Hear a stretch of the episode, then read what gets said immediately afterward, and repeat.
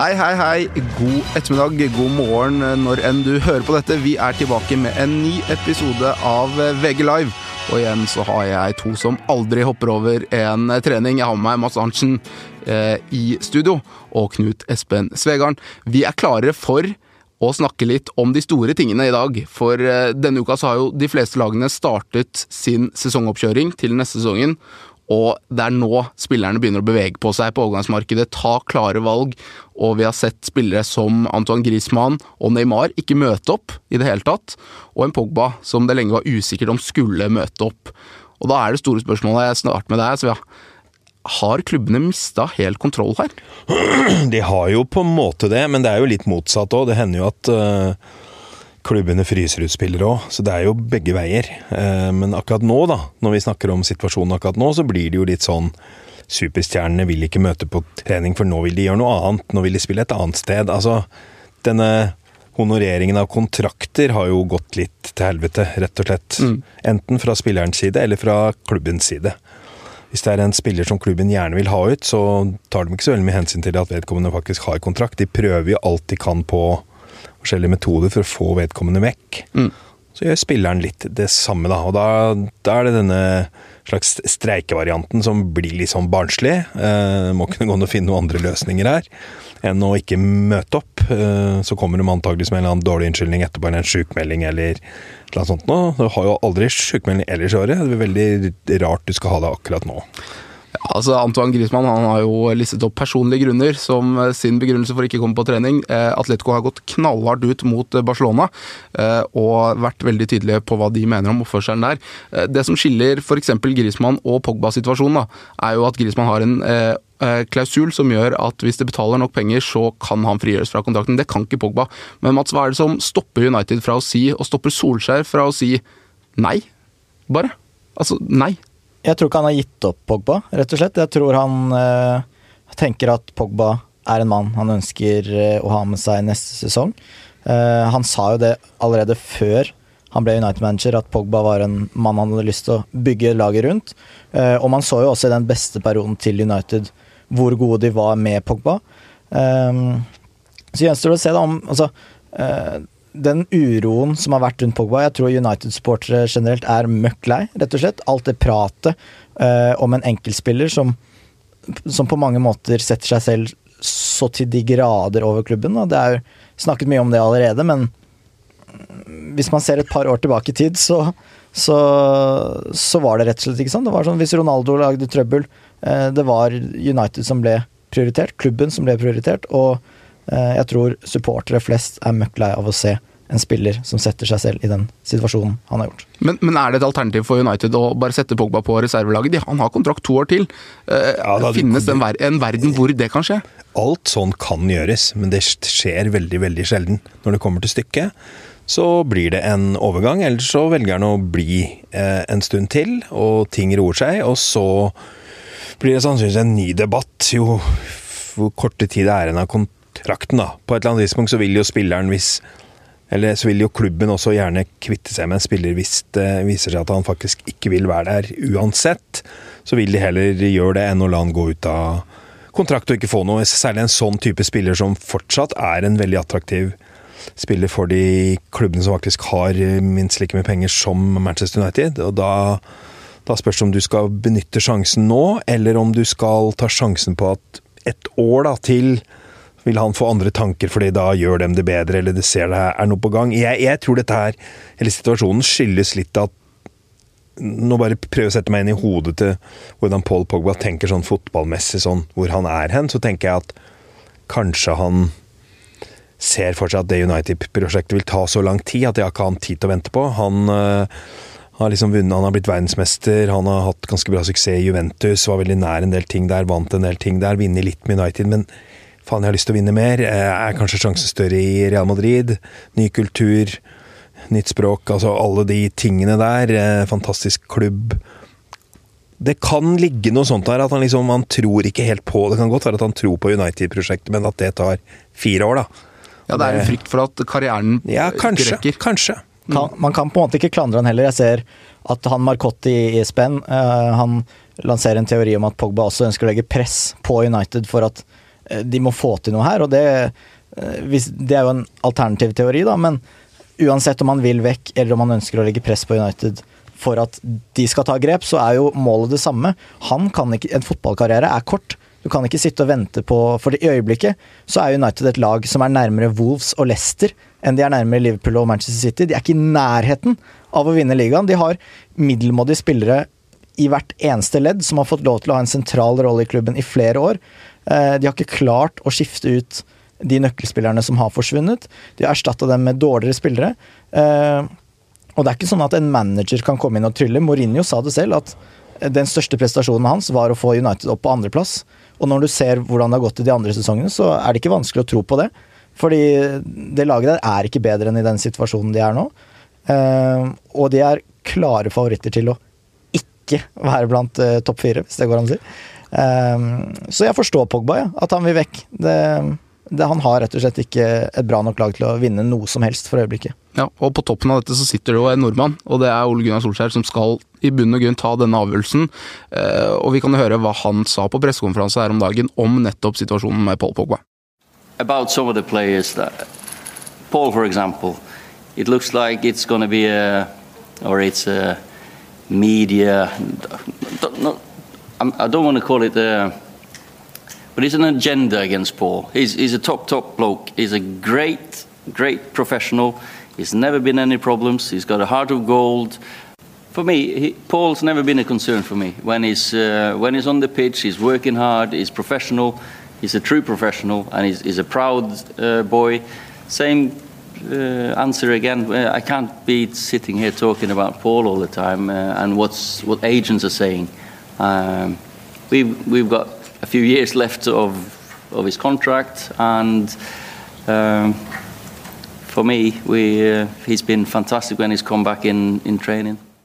Ja, Solskjær snakker om en agenda fra media mot Pogba, eh, og at eh, han ikke kan kommentere hva agenter sier. Men denne saken i seg selv, altså hvordan rammer dette Solskjær både i garderoben og utad? Jeg har bare sett liksom det har kommet Og dette er jo veldig sånn typisk. Så lenge han kom inn der og United gjorde det veldig bra, så kunne han nesten gjøre hva som helst. Da var det, da var det fint at han var åpen og smilte mye og, og sa de tingene han gjorde. Og så når han begynner å tape, så er det feil, selvfølgelig. ikke sant? Da bruker du det motsatt meg. Han er ikke sterk nok. Han er ikke Han må være mye klarere på det han sier. Han kan ikke gå rundt der og smile og tro at alt skal være fint. Altså, alt har med resultater å gjøre. og det folk drar med seg inn i denne sesongen, her, er de dårlige resultatene på slutten.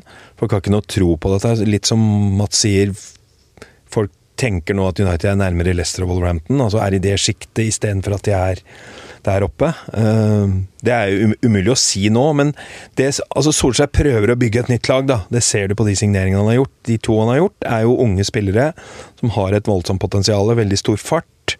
Han prøver å liksom få United til å se litt mer moderne ut, faktisk. Men, så, men det vil antakeligvis ta litt tid. Hvis du ser på hvordan både Liverpool og City blant annet har bygd lagene sine, så har jo det, de har jo brukt noen år på å komme dit de har gjort, selv om de har vært ålreit gode sånn innimellom ellers. Det går ikke på fem minutter. Uh, og så spørs det så har du det at du ikke skal spille Champions League, ikke sant? som da er en liten disfavør kanskje for noen spillere som kanskje kunne tenkt seg godt dit, uh, men som da tenker at uh, jeg vil spille Champions League. Altså Sånn er det på en måte blitt, da. Mm. Så han kan nok få litt trøbbel med å finne noen, men samtidig så er merkevaren United såpass god at han Altså, United får garantert et veldig godt lag, men det spørs hvor lang tid det tar før han får det til å utfordre de aller beste, da. Um, det samme gjelder litt Arsenal. Jeg syns det er de to som ligger lengst bak. Ikke bare tabellmessig, men liksom måten å angripe sesongene på. Altså Arsenal var en kjempeskuffelse for meg. Jeg ser liksom ikke helt hva de holder på med i det hele tatt. Så Vi skal komme litt tilbake til det, for vi skal prate litt mer Arsenal etterpå, men uh, Jeg kjøper ikke denne agenda-varianten som Solskjær kjører. Nei, det gjør ikke jeg heller. Overhodet ikke. Det, det, det sånn, sånn her holdt Ferguson på også i sin tid. Og at Solskjær er Ferguson-inspirert, det vet vi alle. Um, han beskytter spillerne sine som han har i garderoben. Han tar de tingene der internt, og så utad så kommer han til å da legger skylden på agenter, legger skylden på mediene, som i og for seg Han kanskje har noen poenger i at ja, mediene dyrker jo så klart det her. Uh, ikke alle de tingene som skrives er riktig. Det er stort sprik i hvilke journalister man kan stole på, og hvem man ikke kan stole på. Uh, mens agentene her, da, så klart Hvis Mino Raiola får til en overgang til for Pogba, så betyr det flere hundre millioner eh, rett i lomma igjen. Eh, så så klart eh, er det perfekt for han at, eh, at det er styr rundt Pogba. Eventuelt kan det bety en større kontrakt. Eh, alle her gjør sine roller. Pogba gjør sin rolle, agenten gjør sin rolle, mediene gjør sin rolle, og Solskjær gjør sin rolle. Og alle gjør på en måte, Det er et stort spill, og sånn er det bare. Men får det ikke Solskjær til å se litt svak ut? Altså Når han går ut og på en måte velger den linja som handler om eh, at eh, Altså Her er det ikke rykter, her er det agenten som har gått ut og bekrefta det. Jeg, jeg syns ikke det. Han sier jo at agenter snakker. Eh, og det har han jo aldeles rett i. Eh, jeg syns det virker mer som at han står frem som en leder for sin garderobe. At han faktisk Jo, men han, han Det er jo litt som du begynte med i stad, Mats, at han har jo ikke gitt opp. Altså Hadde han gitt opp å beholde den, så hadde han ikke sagt det her. Men han mener fortsatt at det går an å overbevise Paul Pogba om at det er her du hører hjemme. Vi skal bygge laget rundt deg. Han må bare få skrudd huet sitt litt mer riktig. Det er ikke noe tvil om at fyren er en god fotballspiller. Det så du jo Altså Når han vil, så kan han jo dominere hvilken som helst kamp mot hvilket som helst lag. Det bare skjer litt for sjelden. Du må få opp den der standardiseringen at uh, han blir mye mer stabil, da. Men først og fremst så tror jeg at Solskjær sier jo dette her fordi at han han føler at det er det rette å si så lenge, han, så lenge det ikke er noe som er bestemt. For han vil heller beholde Pogba enn å få inn en haug med penger. Som han kan da kanskje bruke til å kjøpe spillere som han ikke vet helt hva han får ut av. Og hvis Pogba skal starte en ny sesong i United, så er er Solskjær nødt til å si disse tingene for at det skal være mulig for eh, laget og supporterne og Solskjær å gå eh, vakkert videre inn i fremtiden og eh, en ny sesong. Eh, så så klart, han sier det eneste han kan si, hvis han ønsker at Pogba skal bli værende. Ja, og så har vi jo nevnt Griezmann og vi har nevnt Neymar. De har ikke møtt opp på trening, som vi har snakket om. En annen som heller ikke har møtt opp på treningsleir og nektet å dra med Arsenal i dag, det var Korselny, kapteinen til Arsenal. Og jeg tenkte vi kunne gå litt i dybden på dette laget her, for det er litt inntrykk av at Arsenal til nå ikke har gjort noen store bevegelser på overgangsmarkedet, og virker ikke å være i emninga av å gjøre det heller. Eh, Det har vært veldig mye rykter om Wilfred Saha. Eh, men adresserer på en måte ikke et problem som jeg tror mange av supporterne til Arsenal ser etter akkurat nå. En stopper som kan eh, gripe tak i det. Mye likt sånn som Manchester United, men eh, Svea, hvor er det du ser de største du var inne på det, hvor er de største svakhetene til Arsenal nå? Ja, altså hvis, hvis vi starter med kapteinen, da, som da nå tydeligvis har fått et tilbud fra sitt eget hjemland, og han har jo hatt så mye skader. Altså, altså han, han etter min mening var en veldig god stopper. Han var en av de bedre stopperne i Europa før alle skadene kom. Og så er det allikevel så er det liksom han de setter sin lit til. Som er så redusert som han er i så mange kampmenn med i fjor. Jeg syns han Han så ut som han sleit, altså. Men han kom seg liksom gjennom det. Han gjør en god jobb, så jeg, jeg skjønner veldig godt at de vil beholde han, men det er liksom ikke der du skal Altså, Du må nødt til å finne noe annet. og nå har De, de har jo slitt med det stoppegreiene omtrent siden eh, ja, Det var ok med Korsielny og Meitisaki, men jeg sa jo da du kan ikke vinne ligaen med Meitisaki.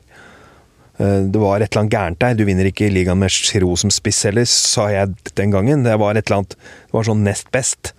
Eh, Men det er klart at de må stramme opp, for det Arsenal har, de har et fantastisk godt spisspar. Men de, liksom, de lar Aaron Ramsey gå, som var den eneste gjennombrudds midtbanespilleren de hadde. Eh, Det blir liksom ikke noe ut av det. Eh, Sjaka er sånn Det tar for lang tid. Han er en god spiller på noen områder, men det er, det er så mye som mangler, da. Og så har du selvfølgelig masse skader på Bellerin og sånn, så du får liksom ikke tak i det backspillet heller. Men stopper igjen, da. Vi er liksom der igjen. Ja, jeg føler vi har snakka om det. ja da, men, men det er noe av problemet i dag. At du, du ser hva de beste lagene eh, har da, av midtstoppere. Hvor mye det betyr å enten ha, som jeg sa når jeg var her sist, enten en stoppersjef med kjempestor S, eller du har et stoppepar som fungerer uti, optimalt sammen. Da bør det ikke være de to beste stoppere i verden, men nå er det beste stoppeparet. Det å finne det her Jeg, tror- jeg syns Arsenal har slitt med det så lenge. Eh, og liksom ny manager inn, og så var alle så fornøyd med det, og så detter det litt fra hverandre, så blir det litt sånn som det var under Wenger. Det blir liksom sånn nesten, nesten, nesten, nesten, nesten godt nok. Nesten god nok midtbane, altså nesten alt. Eh, nesten god nok keeper. Altså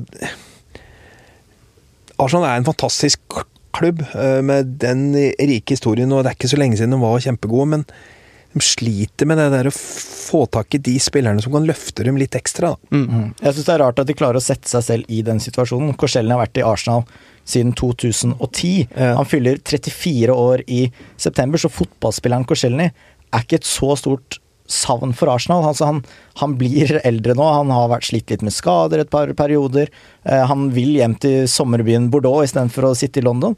Eh, og da burde de klart å kommunisere såpass godt at de burde funnet en løsning hvor ja, takk for eh, ni års tro tro tjeneste, nå må vi finne en ny langsiktig løsning og få bukt med et problem som har vært der i mange, mange år, da. Um, men signalet om at kapteinen nekter å være med på treningsleir, er jo betydelig verre enn at midtstopperen Korselny ikke kanskje er tilgjengelig fra sesongstart. Nettopp, nettopp. Og det er det jeg lurer litt på her. Eh, Vi ser eh, PSG ta et veldig tydelig standpunkt mot eh, Neymar når han ikke møter opp. Vi ser Atletico Madrid gjøre det samme mot Griezmann, og vi ser Arsenal også gå ut offentlig og ta avstand fra disse spillerne. Er det liksom et, er- Prøver klubbene på en eller annen måte å slå tilbake her? Altså de, kan, de må jo markere at de aksepterer jo ikke alt mulig når en spiller. Altså Har du kontrakt, så må du jo møte opp på de tingene som er pålagt i din kontrakt. Enten det er en treningsleir, en trening, en kamp, et sponsoroppdrag. Du må jo det. Det står jo i kont kontrakten din. Og det er klart, når folk finner på løsninger for å ikke være med på det fordi at de vil et annet sted, så må jo klubben markere dette med å si at dette her holder ikke. Det er de nødt for å gjøre, så ser de jo innmari dumme ut, rett og slett.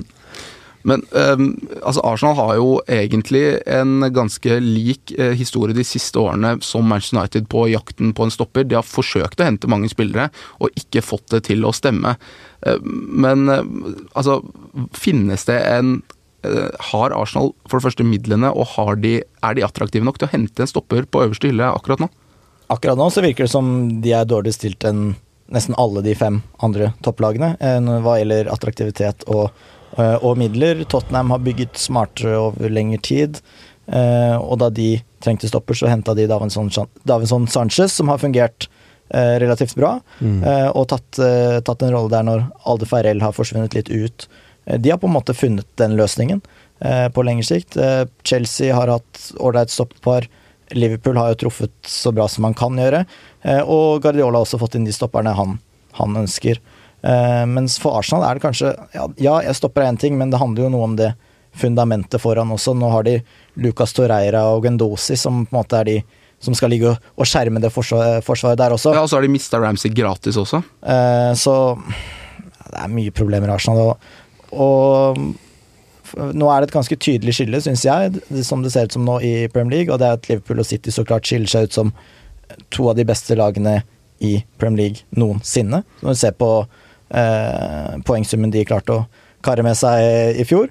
Tottenham er på en måte i det litt sjiktet bak, og så er det tre lag som, som sliter litt nå, da med embargoen til Chelsea, United som er litt i ja, har flere, flere utfordringer, og så er det Arsenal som virker å være litt i, i oppløsning der bak. Altså, noe av utgangspunktet til Chelsea er at du vet ikke, fordi du har en, eh, en meget klok mann som har fått den jobben i, i Lampard, men allikevel med så lite erfaring, og rett til topps. Det er klart at det kan gå, det gikk med Zidane og sånn nå, det kan selvfølgelig gå, men sjansen for at det blir store problemer av det, det, det er også til stede, selv om han er en legende i Chelsea og er en veldig fin fyr og superintelligent og kan fotball og alt sånt, så er det klart at han vet ikke hvordan du håndterer en, en, en av stormaktene i europeisk fotball de siste 15 åra. Altså. Det, det, det, det er ikke mulig å sette seg inn i så Og fort. Chelsea-garderoben har jo vist seg litt vanskelig, og de har på en måte en kultur for at manageren forsvinner ut. Eh, og det ser man litt òg, at når det er motgang, så er det tydeligvis Det, er, det er, virker helt tydelig utenfra at der er det et par stemmer i den garderoben som snur seg litt imot. Men eh, det er jo litt sånn spillemateriellet også som er utfordringen her. da De får ikke forsterka fordi de har en band. De har heldigvis fått inn Pulisic tidligere. Eh, og så har de jo 80 spillere ute på lån, omtrent, som, eh, hvor det er ganske mange. Uh, Reece James, flere av de som kanskje kan plukke Tammy Abraham, som var god for Villa i fjor. Flere av de som kanskje må få sjansen nå, da, så får man se. Kanskje det er en blessing in disguise for de. Men så ser vi et skille nå på at Tottenham har tatt steget opp og er i nærmere Liverpool og Manchester City, mens United, Arsenal og Chelsea ligger et steg bak de andre tre. Men det så jo så altså For ett år siden bare så sa jo alle at det var umulig for Liverpool å ta igjen de 25 poengene de lå bak City. De tok igjen 24 av dem. Um, det er alltid vanskelig å si på det tidspunktet her akkurat å svare på det spørsmålet der, fordi at uh, plutselig så skjer det noe. Plutselig så får du tak i akkurat den ene spilleren. Plutselig så ser det ut som uh, Liverpool City skal stikke fra, og så blir en mann skada. Eller de selger plutselig Altså, det, det, det er ikke så fastlåst, da, selv om det kan se sånn ut nå. Nå kan det se ut som det er City og Liverpool som kommer til å slåss om den ligatittelen igjen, og så kommer liksom Tottenham etter der. Men Tottenham er jo også litt sånn derre Skal jeg si for noe? Litt sånn uh, kan fort få en smell, dem òg, fordi at de har en ganske liten stall, ikke sant. Så jo det i fjor, de sleit litt når de fikk mange Skader. mange ut, og, Mm. og, det kan du ikke vite. Nei. Når karantener, når skadene kommer, om det blir et vintersalg, eh, hva som skjer med Eriksen, altså, som vi har diskutert før. altså Det er fryktelig vanskelig å si. Det eneste vi kan se, er at, i hvert fall som jeg snakka om her nå, at United og Arsenal er nok de som sliter mest med komponeringen akkurat nå. For de har, de mangler for mange typer. De har for dårlige staller. Jeg tror det skal veldig mye til for at de to eh, slåss om ligagullet akkurat nå. Men, men apropos det, da. Bør det bekymre dem at uh, Leicester har sikra seg Jose Perez og uh, Juri Tilmans på uh, permanent basis? Uh, Wolves har vel sikra seg Himinez. Den Donker også på permanent basis. Altså, de gjør smarte, små trekk. Uh, Tilmans, f.eks. en spiller som kanskje fort kunne tatt et steg enda høyere. enn Leicester også, muligens. bør det bekymre United og Arsenal litt? Ja, men jeg tror nok både Solskjær og um, Arsenal-sjefen, som det nå sto helt stille hos meg, som jeg ikke kom Emery. på het, eh, Emery eh, har nok en, en veldig sånn klar plan på hva de egentlig vil ha. Det er klart Hadde de vært interessert i de spillerne der, så hadde de sikkert kasta seg på. Jeg tror nok de vet hvem de vil ha, men om de får de, det er det som er spørsmålet. Og da er liksom spørsmålet, hvis du ikke får den du vil ha, skal du gå på neste uansett? Eller skal du da tenke at ok, får jeg ikke han, så vil jeg ikke ha noen. Det er to varianter der. Jeg syns det begynner å bli urovekkende mange spillere da, i f.eks. Leicester som man tenker sånn Oi, han ville forsterka United. Eh, og det begynner å bli et ganske dårlig tegn da, når eh, det begynner å bli en fire-fem spillere du tenker at sånn, ja, han kunne nok eh, gjort en, en, en jobb der. Vi snakker liksom Chilwell, Maguire, Tilemans Det begynner å bli et par spillere da, som fort kunne ha gjort en jobb. Og eh, jeg syns det er litt overraskende nesten at, eh, at ikke de større klubbene ønsket å kjempe harde for Tilmans. Nå vet jo ikke vi hva som har foregått der, da, men han, han kom jo også med det noen medier tolka som et lite stikk. Da, at han ville være i en positiv klubb, eh, stabil klubb i fremgang, og at han heller ville det enn eh, ja, et sted Mm. hvor eh, det ikke står like godt til, og der har vi jo noen kandidater som kan passe inn. Bare for å runde av den, eh, denne praten her nå. eh, Saha er liksom det største som står på ønskelista, virker det som, til Una Unai Emery akkurat nå, og Arsenal. Eh, Men eh, Crystal Palace de setter en ganske heftig pris på han. Men er, er det nøkkelen for å løse Arsenal sine problemer nå? Selvfølgelig er det ikke det. Det er jo helt andre steder på banen jeg ville ha kjempehardt for. Men det, det er klart, altså det interessante med Saha er at han er en han er en sånn type spiller som du kan få litt ekstra ut av, da, fordi at han er veldig uforutsigbar. Han kan gjøre nesten hva som helst. Ehm, det er egentlig en spiller som er veldig gøy å se på, for han, du vet aldri helt hva du får. Han har masse, masse ferdigheter, men, men det er jo forsvarsspillere og egentlig sentrale midtbanespillere jeg ville ha prioritert. Du må ha noe hardball der. altså det er litt sånn der, Arsenal virker litt sånn derre Ja, de er gode en kamp eller to, og så detter det sammen igjen. altså det, det blir liksom ikke noe det blir ikke noe system av det, for du, du har ikke disse bærebjelkene som holder deg oppe. Du detter for fort ned igjen. Eh, og det Da har du ikke sjanse til å vinne den ligaen der. For den er så tøff. Det virker som avstanden er stor, og det meldes vel at Arsenal har eh, bydd rundt 40 millioner pund, mens Palace vil ha 100 millioner pund. Uh, Og når vi snakker om de summene der Det, det handler jo mye om den TV-avtalen som har kommet inn, og at de andre klubbene i Premier League har så ekstremt mye bedre råd. da At Palace er ikke nødt til å selge seg. De klarer seg fint, de. Eh, De kan, har råd til å presse opp prisen. Og når vi begynner å snakke om 60-70 millioner, da, hvis vi skal si at man havner et sted midt mellom, så er det fortsatt ekstremt mye for en sånn type spiller fra Arsenal å investere så mye i en, eh, en sånn type ving, da, som eh, Ja, jeg tror ikke det er der eh, Arsenal bør legge så mye av midlene. Vi skal flytte hodet vårt litt videre, for eh, Martin Ødegaard han havnet jo i eh, San Sebastian i Real Sociedad i forrige uke. Og eh, vi har snakket ganske mye om Ødegaard her, men det er en del andre norske eh, landslagsprofiler og utenlandsprofiler nå som kan være på flyttefot i løpet av denne sommeren. Eh, og spesielt kanskje Sander Berge. Eh, en vi har sittet og lurt på, det har vært bud på han fra Sevilla i flere år. Tottenham skal visstnok ha vært interesserte. Hvor tror vi han kan havne i løpet av sommeren?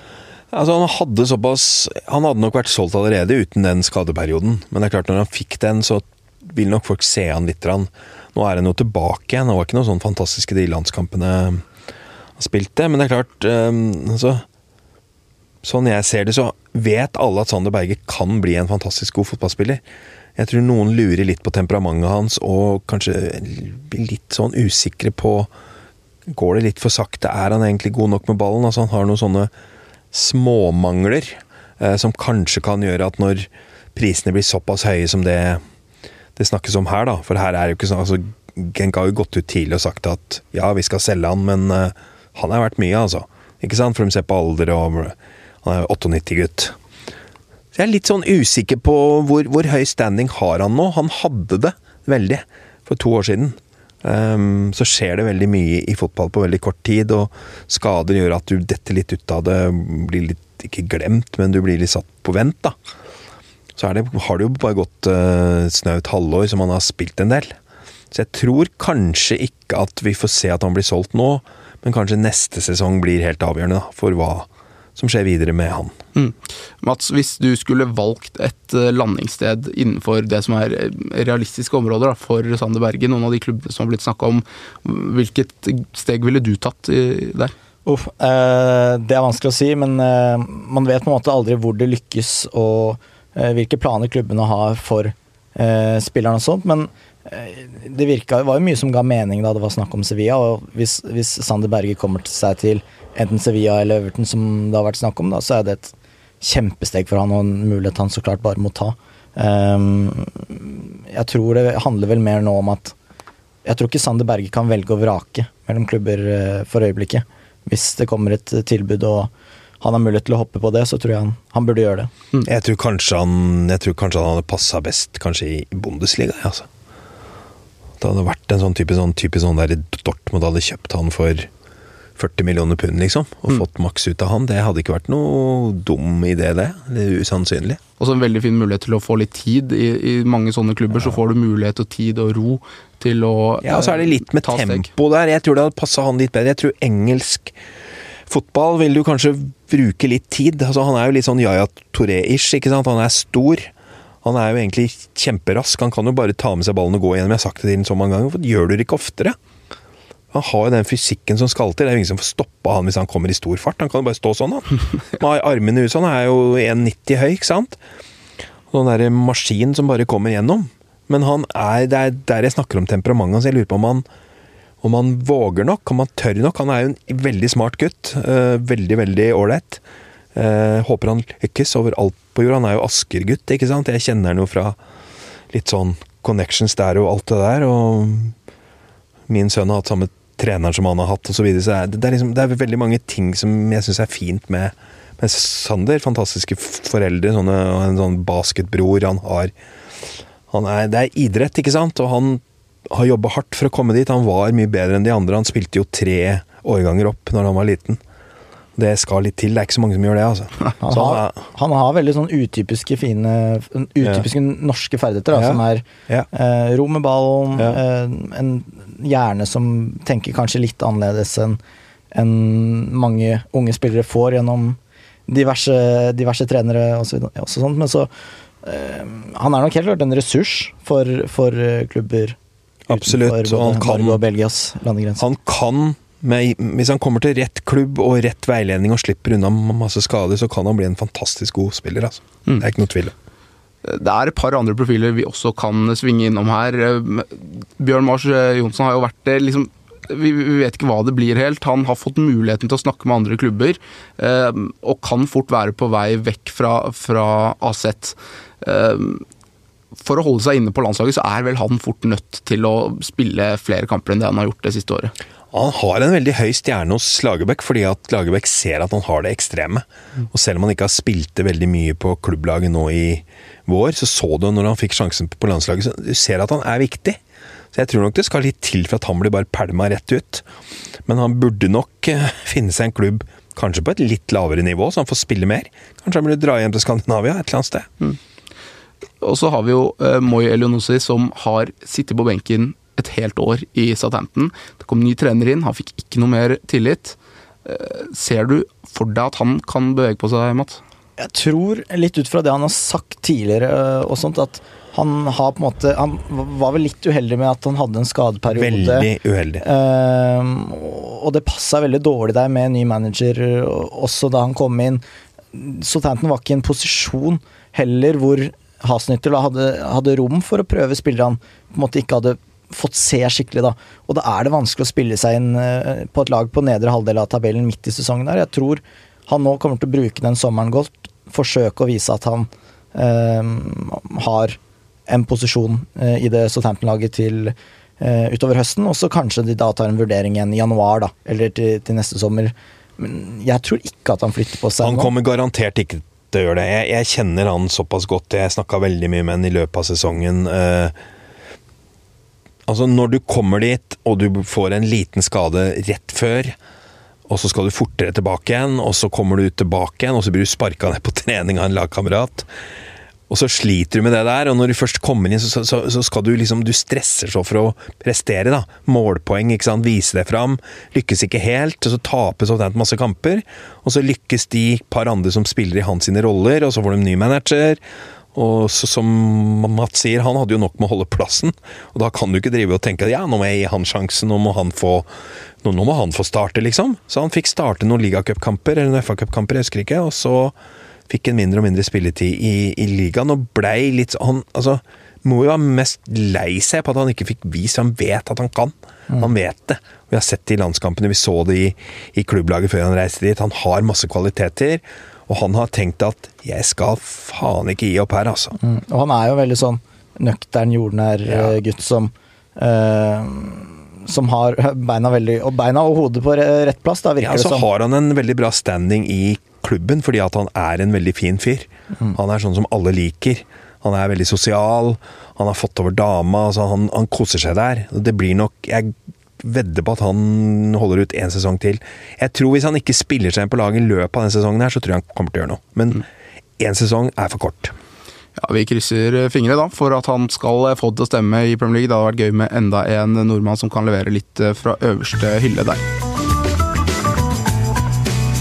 Så tror jeg vi skal ta litt lyttespørsmål, for vi har fått et par spørsmål fra lytterne våre. Det blir en liten sånn sammenblanding av ting vi har snakket om tidligere i dag, men da kan vi kanskje prøve å lure ut noen konkrete svar fra dere.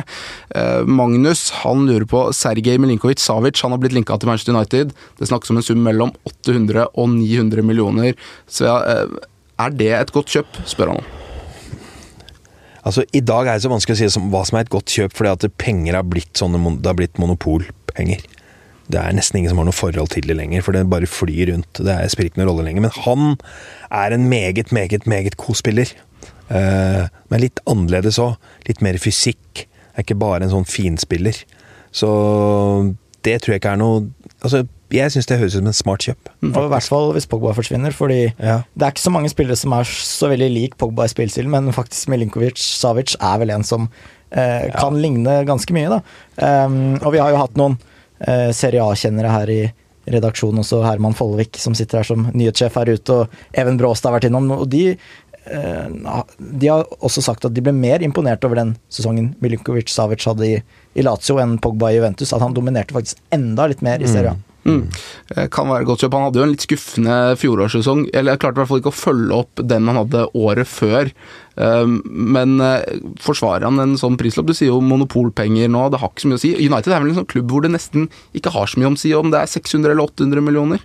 Nei, men jeg, altså, jeg tror vi har kommet dit at det er iallfall veldig mange jeg kjenner som bare trekker på skuldrene om det koster 40 millioner pund eller 80 eller hva det er for noe. Du får ikke noe forhold til det lenger, for det har bare sklidd helt ut. Altså, altså, så Jeg var jo veldig negativ når jeg hørte at liksom, Liverpool skulle betale 75 mil for van Dijk. Som jeg syns var en god midtstopper, men liksom 75 mil. Men du liksom ser jo det at hvis, du lyk hvis, hvis vedkommende lykkes og løfter et lag, så er jo det ingenting. For det er verdt det, ikke sant? Så vet jo ikke det 100 da, med verken han du nevner nå, eller en eller annen midtstopper som du kjøper for 60. altså Om City eller United hadde kjøpt Harry Maguire for 60 millioner, eller hva det er for noe, så høres helt latterlig ut. Det høres faktisk helt latterlig ut. Og de har nettopp henta Aron van Bissaka for eh, 50 millioner pund. Eh, da nå- tror jeg ja. Et par millioner pund ekstra for eh, Milinkovic Savic hører ikke ut som noe, dårligere deal. av det er en, de har henta en hva er det, han er 21 år, har hatt én Ja. OK sesong for Palace bak seg i Premier League. Ja. Eh, det er jo en kjempegambling, så klart. Og United må ikke glemme at de skal være en klubb som skal vinne ligaen, eller kjempe om eh, I hvert fall kjempe om ligatittelen, være med i Champions League. Da holder det ikke å kjøpe spillere som gjør at de sikrer seg en femte- og sjetteplass hver eneste sesong. Altså, da må du ta noen sjanser på de områdene der. Mm. Og en klubb som har gjort akkurat det, det er jo Barcelona. Eh, som er i ferd med å ruste seg opp nå mot en ny sesong mot et Real Madrid som har virkelig biffa på nå. Eh, så Sander han lurer på om dere tror Frenkie de Jong, som er allerede signert og på plass og ble presentert tidligere denne uka, eh, tror du han blir en suksess i Barcelona? Det kunne vel ikke vært en mer perfekt match eh, egentlig enn eh, Frenkie de Jong og Barcelona. Det virker jo som den perfekte erstatter for eh, Busquets, som eh, eh, straks er 31 år, om et par dager. Um, han, han er den type playmakeren som de nå har hatt altså har, Busquets har vært et funn for Barcelona. Uh, vi, vi, hvis han hadde vært norsk, så hadde vi sagt at folk forstår ikke hvor viktig han er for, for uh, Barcelona. Og eh, at de nå har funnet en som virker som den perfekte erstatteren for han, det kommer til å gagne Barcelona så utrolig mye. Det her har jo også litt med Du går liksom fra eh, eh, Cruyff 1 til Cruyff 2. Det er jo mye likt, ikke sant? Ajax og Barcelona. Måte å tenke fotball på har alltid vært ganske lik. Eller i hvert fall gjennom de siste 40 åra så har den, den vært ganske lik. Og da, det er klart, når en spiller eh, bruker den eh, connectionen, da. For det er jo utrolig mange spillere som har gått mellom der. Og de aller fleste av de har jo faktisk lykkes. Så det er jo klart at det er jo en litt sånn sikring, det. Og du går til et sted der du vet at de spiller omtrent sånn som vi gjorde. Og da er det jo litt, litt, litt enklere. enklere. Um, ja, det virker bare rett og slett som en match som bare som var, Match made in heaven! Ja, takk. Det var det. Eh, Men mer spent er jeg på, hvis vi først er innom Barcelona, jeg vet ikke om det er noen flere spørsmål om de, men at det snakkes om både Neymar og Griezmann, så jeg er jeg veldig spent på hvordan de skal stable For Nei. Sindre han lurer på om vi tror at Barcelona kommer til å kjøpe flere spillere. Og vi, det, rett fram så må vi jo bare si at alt tyder på at Griezmann blir klar Ja, eh, i, ja. i kort, om kort tid. Altså Hvis man ser på tidslinja her, Griezmann tok farvel med Atletico-fansen, eh, forsvant ut. Eh, Atletico har henta erstatter, Joao Felix, ga han Griezmann sitt gamle nummer, drakk nummer syv.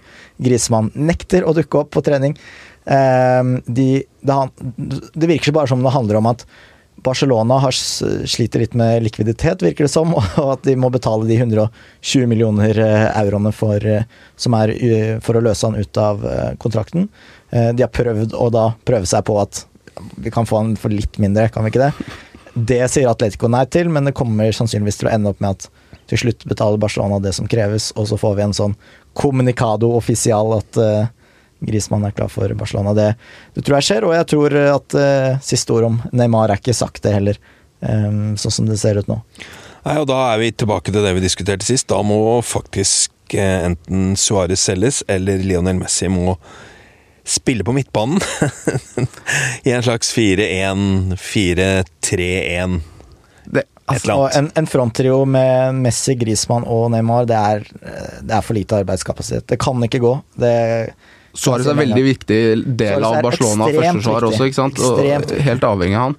Eh, nesten, det er nesten helt umulig å skjønne hvordan det skal gå, men eh, at de i hvert fall prøver å slå tilbake mot Real Madrid-insigneringer, signeringer, det er det ingen tvil om. Det er jo vel ganske sikkert at de får en av dem. Det er, vel, det er vi vel ganske overbevist om. at, øh, Og som du sier, altså det med Griezmann hørte vi jo om i, i januar. Mm. Ikke sant? Og det har jo vært lenge. og jeg tror det viktigste for Atletico var at han ikke går til Real Madrid. ikke sant? At du ikke får den overgangen der. Hvor er det han skal gå hen da for å, for å gå videre fra Atletico Madrid? Så er det jo ikke så veldig mange klubber som garantert er bedre enn dem.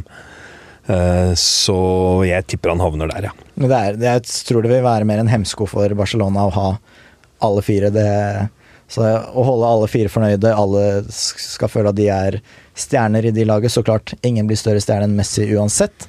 Ehm, vi vet jo at Neymar, Suárez og Messi fungerer ypperlig, så får vi se om Grismann eh, kan eventuelt fylle den rollen, og om de da går for Neymar i tillegg. Det ville i hvert fall vært helt sinnssykt. Ja, altså Grismann eh, Neymar og Pogba, disse overgangene kommer vi sannsynligvis til å snakke om til august. For dette er typisk sånne overgangssagaer som kommer til å dra seg ut. Klubber som står på sitt og holder igjen.